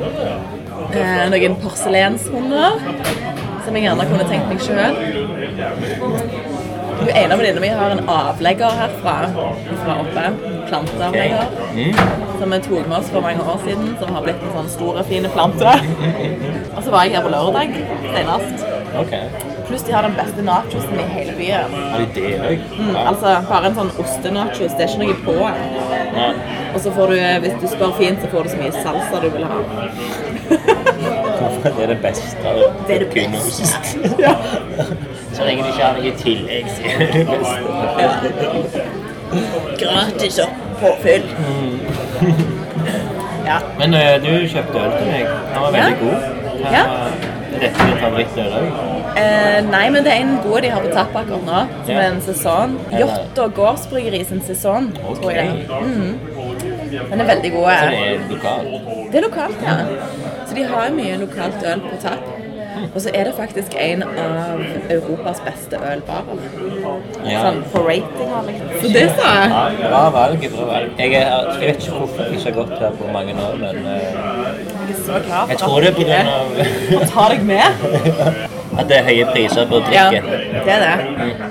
Du trenger ikke sitte her hele natta lang. holdt jeg på å si. Det blir raskt litt dyrt. Mhm. Men hvis du skal gå og ta deg eh, et par eh, øl med noen, syns jeg det er helt supert. Ja. Mm. Ja. Jeg, jeg, personlig har jeg egentlig ingen favoritt. Piren. Piren.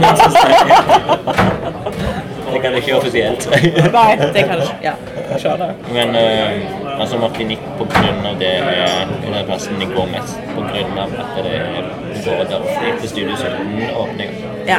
ja. Så er det jo den mest stammete Altså, Ja. Mm. plassen. Av lokasjonen. ja. Og Martinique er jo også veldig hyggelig. Vi kan jo prøve å gå inn på noen faste segmenter, da. Ja. Eh, jeg har eh, selvskryt. Har du lyst til å skryte, Ja. liksom?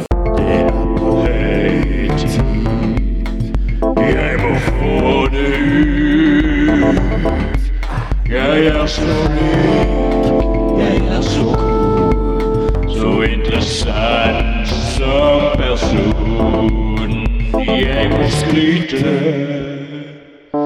Selvskryt.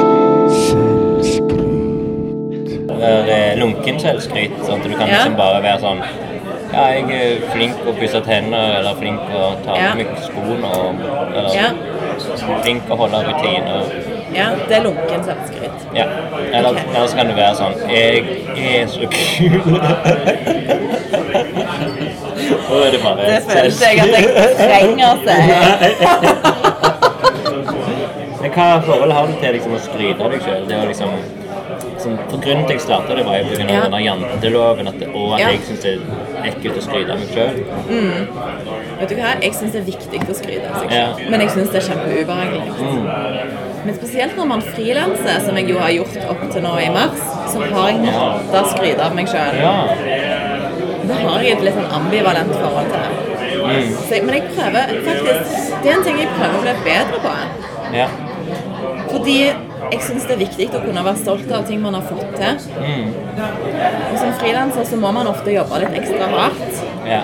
Så ja, jeg prøver å bli flinkere på det. Skal jeg skryte litt av meg sjøl nå? Du kan velge én ting eller én eller flere ting. Ikke så mange ting. Hva men- skriver du i CV-en, da? For der er det ofte sånn pliktoppfyllende. Sånne ting. skriver? Av de der Omgjengelig. adjektiver. Mm. At jeg er positiv. Ja, det er jo selvskriv. Ja. Jeg prøver å være positiv. Ja. For eksempel så har jeg jobbet som kritiker i mange år. Så er det liksom den der forståelsen eller oppfattelsen om at kritikere bare skal være sure og ikke like ting. Tipper, Eller at kritikk er noe negativt. Eh, Så jeg tenker at det er viktig å ha med liksom det positive aspektet og og også å tenke på kritikk som noe som faktisk handler om potensialet til ting. Ja. Til å ha en eh, innvirkning på noe, av- på noe rundt seg, eller at man får kritikk fordi man, fordi man som kritiker ser et potensial i noe. Det er derfor man gir kritikk til noe. Og når Helga var på, så snakket hun f.eks. om at det verste i hele verden er å ikke få kritikk. ja. Fordi da er man ikke vedkjent, eller man har ingen relevans, liksom. Sånn. Hva type ting har du kritisert? Kritisert? En gang sånn rar bøyning. Hva Eh, har du hatt kritikk på? Hva jeg har skrevet om, eller liksom hva jeg har vært opptatt av. Vel, faktisk så har jeg, jo- jeg har skrevet en del om hva kritikken er i dag. Ja. Eller hva kritikken kan være i dag. Og at kritikken ikke er et format, men at kritikk er en tilstand. Ja. Fordi vi det har vært mye snakk om sånn Kritikken er døende, kritikken forsvinner. Ok. I media, for eksempel. Sant? Men har, så du har skrevet kritikk om kritikk? Og meta... Yes. Yes. Det har jeg gjort. Som har ikke hatt liksom anmeldelser i det? Jo, det har jeg Ja, også du har gjort. det. Ja, ja. Jeg har skrevet flere typer anmeldelser. og essayer. Kunstkritikk, liksom. Ja, kunstkritikk. Kan du nevne noen plasser eller ting? Eller? Eh, Nå må jeg tenke litt. Det siste jeg anmeldte, hva var det? Har det vært på kunstkritikk til deg nå? Nei. Jeg har ikke skrevet for kunstkritikk. Nei, da. Her i skolen? Der har jeg skrevet en del kritikker for. Skrevet en del kritikker for forskjellige tidsskrift. Jeg har skrevet for Contemporary Art Stavanger. Ja. Jeg har skrevet noen kritikker. Men jeg har skrevet mer essays, egentlig, Ja. enn kritikker. Men jeg tenker jo at et essay kan være en kritikk i seg sjøl, eller at det, det er det jeg mener med at en kritikk ikke trenger å være et format, liksom. Det trenger ikke å være et sånn 800 ord med 'dette er utstillingen, og det syns jeg om'. den». Men at kritikk handler om en evaluering av noe, en kontekstualisering av noe, mer enn- Og liksom potensialet til noe det positive i noe, det som man bygger videre på. Og at det, For meg er det det mest interessante i kritikken, en drøftning av noe, som det sier så fint på norsk. da. Mm. For jeg vet at du har skrevet en del, og det er egentlig drevet mye om feminisme. ikke det? Ja. Ja. Jeg tror det er der jeg har liksom, Mm. sett et navn i mellomtiden den her ja. 2015 til 2019. Da satt jeg og skrev om feminisme. Så ja, men det har jeg gjort. Ja. Eh, og Det er noe jeg alltid har vært opptatt av. Jeg har jobbet masse med de siste årene, som jeg også tar med meg inn i den nye jobben jeg har fått nå. Og Vil du si at du er flink til å skrive? Ja, jeg er, i segmentet ja, så elsker ja, det. jeg er flink til å skrive. Ja, ja men det syns jeg òg. Takk, Espen. Ja, jeg, for, altså, jeg leste jo den der 150-årsjubileumsboka, eh, og den teksten du skrev var veldig fengende og veldig gøy. Og du, altså, så for meg som er en sånn mer sånn eh, underholdningsbasert eh, konsument Er det det som står i din CV? Ja. Veldig konsumt underholdningsbasert skrift. Så syns jeg det var kjempeunderholdende det du skrev f.eks. om han der eh, Asbjørn Slette Merke Er det Asbjørn heter? det? Ja. Det her med den der eh, flekken. ja, Kjartan Slettemann. Kjært kjørt, altså. Det er jo sånn Asbjørn Nei, Slettemann. Er ikke det ja. han fra NRK? Det er musik- Jeg bare vet litt. musikkritikeren. Du Han og han synes jeg har har det gjort en god jobb i kunstfeltet her i Stavanger. Ja, ok, ja, Kjartan Kjartan Slettemark, ja. Det synes Ja. jeg om han var så utrolig kult, og ja, måten du skrev det på var kjempe... Så kjekt at du syns det, Espen. Og liksom det med Biggie og... Ja. For dere som ikke har lest så må dere på eh, Nei, men vi kan jo si det sånn som For Kjartan Slettemark, han hadde en eh, Nå skal jeg, skal jeg ta, Ja. bruke din tekst, og så skal Ja. jeg liksom igjen eh, fortelle det. Og så skal jeg prøve å huske tilbake fire år til Norge. Ja. Så, Ja. Kjartan Settemark han gjorde en performance i 1992 tror jeg det Ja. var, når BKFR var 100 sikkert. Ja. Det er jo ikke Ja, sånn det- random, det- eh, Eller BKF, som det heter det. Det kan sikkert stemme. Ja. Eh, og under den performancen så sølte han en liten flekk på teppet på kunsthallen. Og, eller Kunstforeningen, som heter det. Ja, Kunstforeningen. Og det ble jo kjempemye sånn eh, gikk med, Det var mye kontrovers eh, rundt det. Det ble så Det ble- dårlig stemning. Ja, det ble saksmål. Han måtte liksom betale overvis med penger. Mm. Og det han gjorde, det var at han eh, tok et bilde av denne flekken og prøvde å selge den som et kunstverk for å betale advokatene. Til retts- rettsmålet. Det er fantastisk. Kjartan Slettemark var jo bare en helt eh, amazing performancekunstner.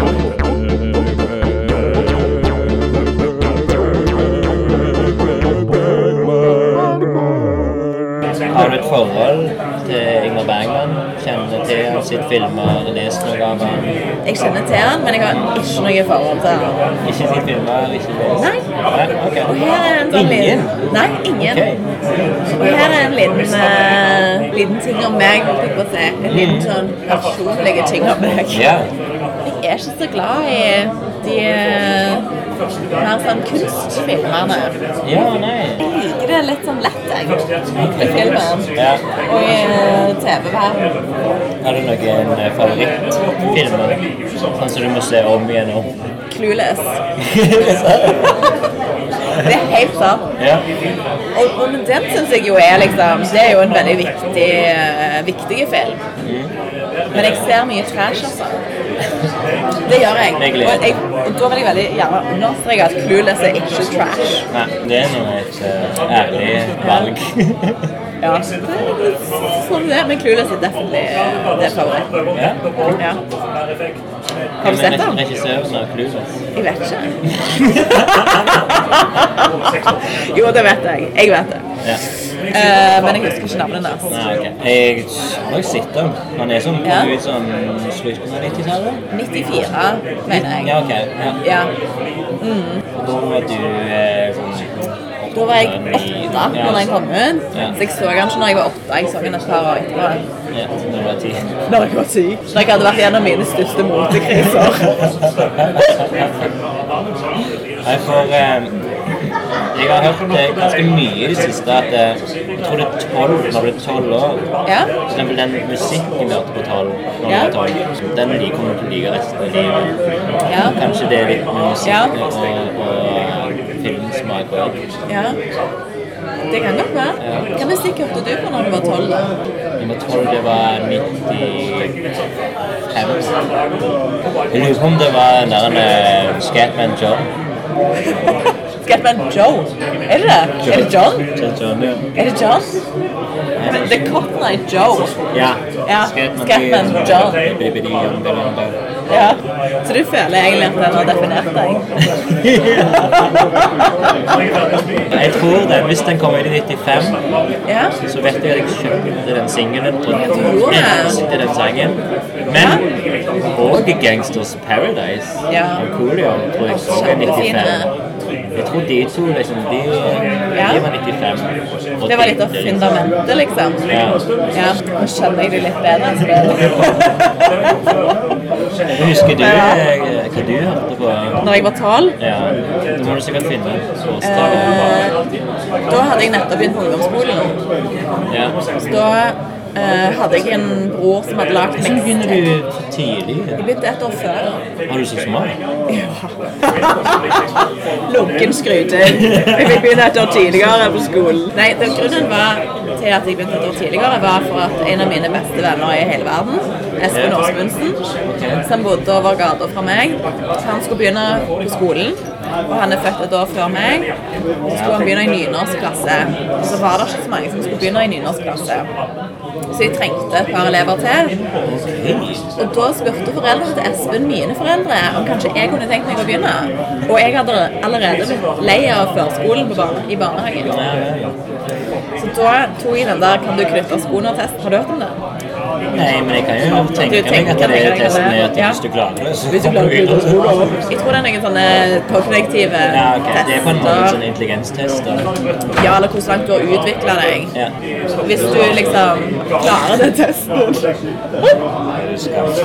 da er du, sk- da er du egentlig prodigy. Nei, men da fikk jeg lov å begynne med Espen. da, på skolen. Ja. Men ja, når jeg var tolv, da tror jeg at eh, min bror hadde lagd meg litt sånn mixtapes og sånn. Og Da var det sånn Nirvana og Led Zeppelin Ah, og Black Sabbath og sånn. Ja, Nirvana også var jo 94. Åh, ja. Det var jo de beste. Nirvana. Det det er noe som kanskje ikke jeg hadde med på. 90-tallsbabies, skal vi se. Eller eh, 80-tallsbabies, 90-tallskids. Ja. Minnene kom på 90-tallet. Ja. Og ingen over Jeg husker ikke så mye om 80-tallet. Så sånn er det. Ja. Ingen Bergman. Ingen Bergman, men vi skal Ja. finne tittelen på episoden. nå. Ja. Mm. Da skal du velge en bokstav mellom A til Ø. ja. Du kan ikke bruke det. Hvis hvis du hørte hele helga sin, så kan du ikke bruke Æ og Ja. Og, eh, Fordi eh, er ikke dette. nei, de, eller de er brukt opp. Men nå sitter vi jo på Kardinal, Ja. Oh. så kanskje jeg kan velge C. Kontroversiell. Jeg er helt, jeg er helt crazy. Cameo. Cameo. Det er ganske bra navn. Ja. Nå skal jeg lese i min engelsk. Sånn eh, litt dårlig. Jeg er klar, jeg er klar. Så lytt godt etter, eh, både hjemme på bussen og du, Kristine, her på Kardinal. For- For alle dårlige kjeft. Ok. Cameo. Brief appearance of a well-known person in a performing arts work. Done. Ja, Det er jeg. det er meg. Jeg tenker jo at jeg gjør en cameo i ditt liv, da. Yeah. Uh, not appearing nearly as frequently as Alfred Hitchcock did in Hitchcock films, Bergman nevertheless made cameo appearances in many of his own productions. In a ship bound to India, he is seen at a funfair wearing a beret. In dreams, he can briefly be glimpsed in a hotel lobby with a dog on a leash. And in the right, he is a priest. Other films in which he pops up Music in Darkness, Thirst, Waiting, uh, Woman, A Lesson in Love, The Magic Flute, and In the Presence of a Clown. However, one thing Bergman did more frequently than Hitchcock was voice cameos. Christina Ketula. Ketula. The voiceover and persona indication of a shift of vocation in the story. The voiceover in persona indicating a shift of location in the story. Mrs. Vogler, a nurse, Alma moved to the summer house. Is read by Bergman as the voice. Neste side. as in the voiceover at the end of The Passion of Anna. This time his name was Andreas Winkelmann. In Torment, Bergman's voice can be heard reading the news on the radio, and in scenes of a marriage, he is photographer who gives instructions off camera. Bergman also has a hand cameo in to his credit. When Alexander wakes up in the middle of the night in, in Jacobi's house in Fanny and Alexander, he sees God's hand appear from a wardrobe. In reality, that hand belongs to the director. OK. ok. Jeg følte Jeg er jo litt sånn typisk sånn dudesa. Skal alltid med i sine egne filmer. Ja. Det er litt det. Er det ingen kvinnelige regissører sier. Vel, jeg tror faktisk at regissøren av Clueless eh, har en kort eh, cameo. jeg mener jeg har lest det. Ja. Så du kan litt sånn eh, Clueless fun facts. Å ja. ja. Jeg, eh, på søndag så hadde vi jo Classic Album Sunday på um, Ja. Kunsthallen. Stemmer. Og snakket om Grace Jones, og da fikk jeg snakket litt om Clueless. Og hun har noen sanger der. eller? Nei? Hun er Men med. Grace Jones eh, spilte Mayday i 1985, tror jeg det var, i James Bond A View to Kill. Og i den filmen så brukte hun en del av sine egne klær, Ja. som var tegnet av altså, Dean Alaya, som var en motedesigner som døde for to år siden, tror jeg det var. Og Alaya var veldig stor på 80-tallet. Hun lagde masse av disse klærne til Grace Jones, der hun har dette tørkleet som ligger over hodet, f.eks., som var sånn trademark. Men i James Bond-filmen så bruker Grace Jones Alaya-klær fra sitt eget klesskap. ja. Og så er det en sånn veldig kjent scene i Clueless der Cher har vært på en fest i The Valley. Og så sitter hun på med Elton, som er forelska i Cher. Og så prøver Elton seg, men hun er ikke interessert, der, så han slipper hun av på en sånn øde parkeringsplass og kjører av gårde. Og så står hun der og så skal hun ringe etter en taxi, og så får hun bare sånn en pistol opp mot hodet. Så gjør hun sånn Get down on the ground. Og så Altså, åpner hun jakken og ser ut sånn You don't understand. This is an alliance. Bra ringt ut. Men eh, vi var ikke Clueless på en serie som gikk Jo, på TV Norge. det ble en serie etterpå. Hva syns du om den? Den var ikke så bra. Nei. Alicia Silverstone var jo ikke med. Nei. ikke det? Du følte ikke sånn Jeg har sett alt av den, ja. Ja. ja. Men ikke to ganger.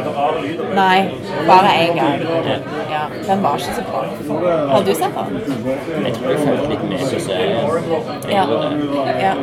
Det var jo litt kjekt, og det var jo det som gjorde at jeg tenkte. ja. ja. Et sånt klokkeslett som du ingenting hadde skjedd. Jeg tror han gikk på lørdager sånn i femtida. Ja. Eller et eller annet. Jeg husker det veldig tydelig at jeg så på det. Ja. OK, men cameo, da? Cameo. Eh, Så kanskje jeg gjør en cameo i ditt liv, og du gjør en cameo i mitt liv. ja. Men vi skal jo ikke få den fornorska. Det er et sånt ord som jeg ikke tror har et- en norsk motpart. Jeg tror det er et sånt begrep. Kameraopptreden. Lydopptreden. Cameo er jo litt kult. Cameos. Jeg liker bare ordet cameo. Cameo. Vi kjører cameo. Ja. Ja, Jeg er enig i det. OK. Da er vi enige. Så da sier Og jeg Av med kapsen. Og med den eh, gesten Ja, med kapsen av. Kapsen av sier tusen takk for et fantastisk eh, snakk. I like måte. Ketula. Ja. Ketula? ja. Kan jeg kalle det Ketula? Det kan du hvis du vil. Det kaller mine estiske venner meg. Gjør du det? Ja. Da vil jeg være Espisk. Hva? Espisk. Espis. oh my god. Tusen takk. Ja. Takk til deg, Espis.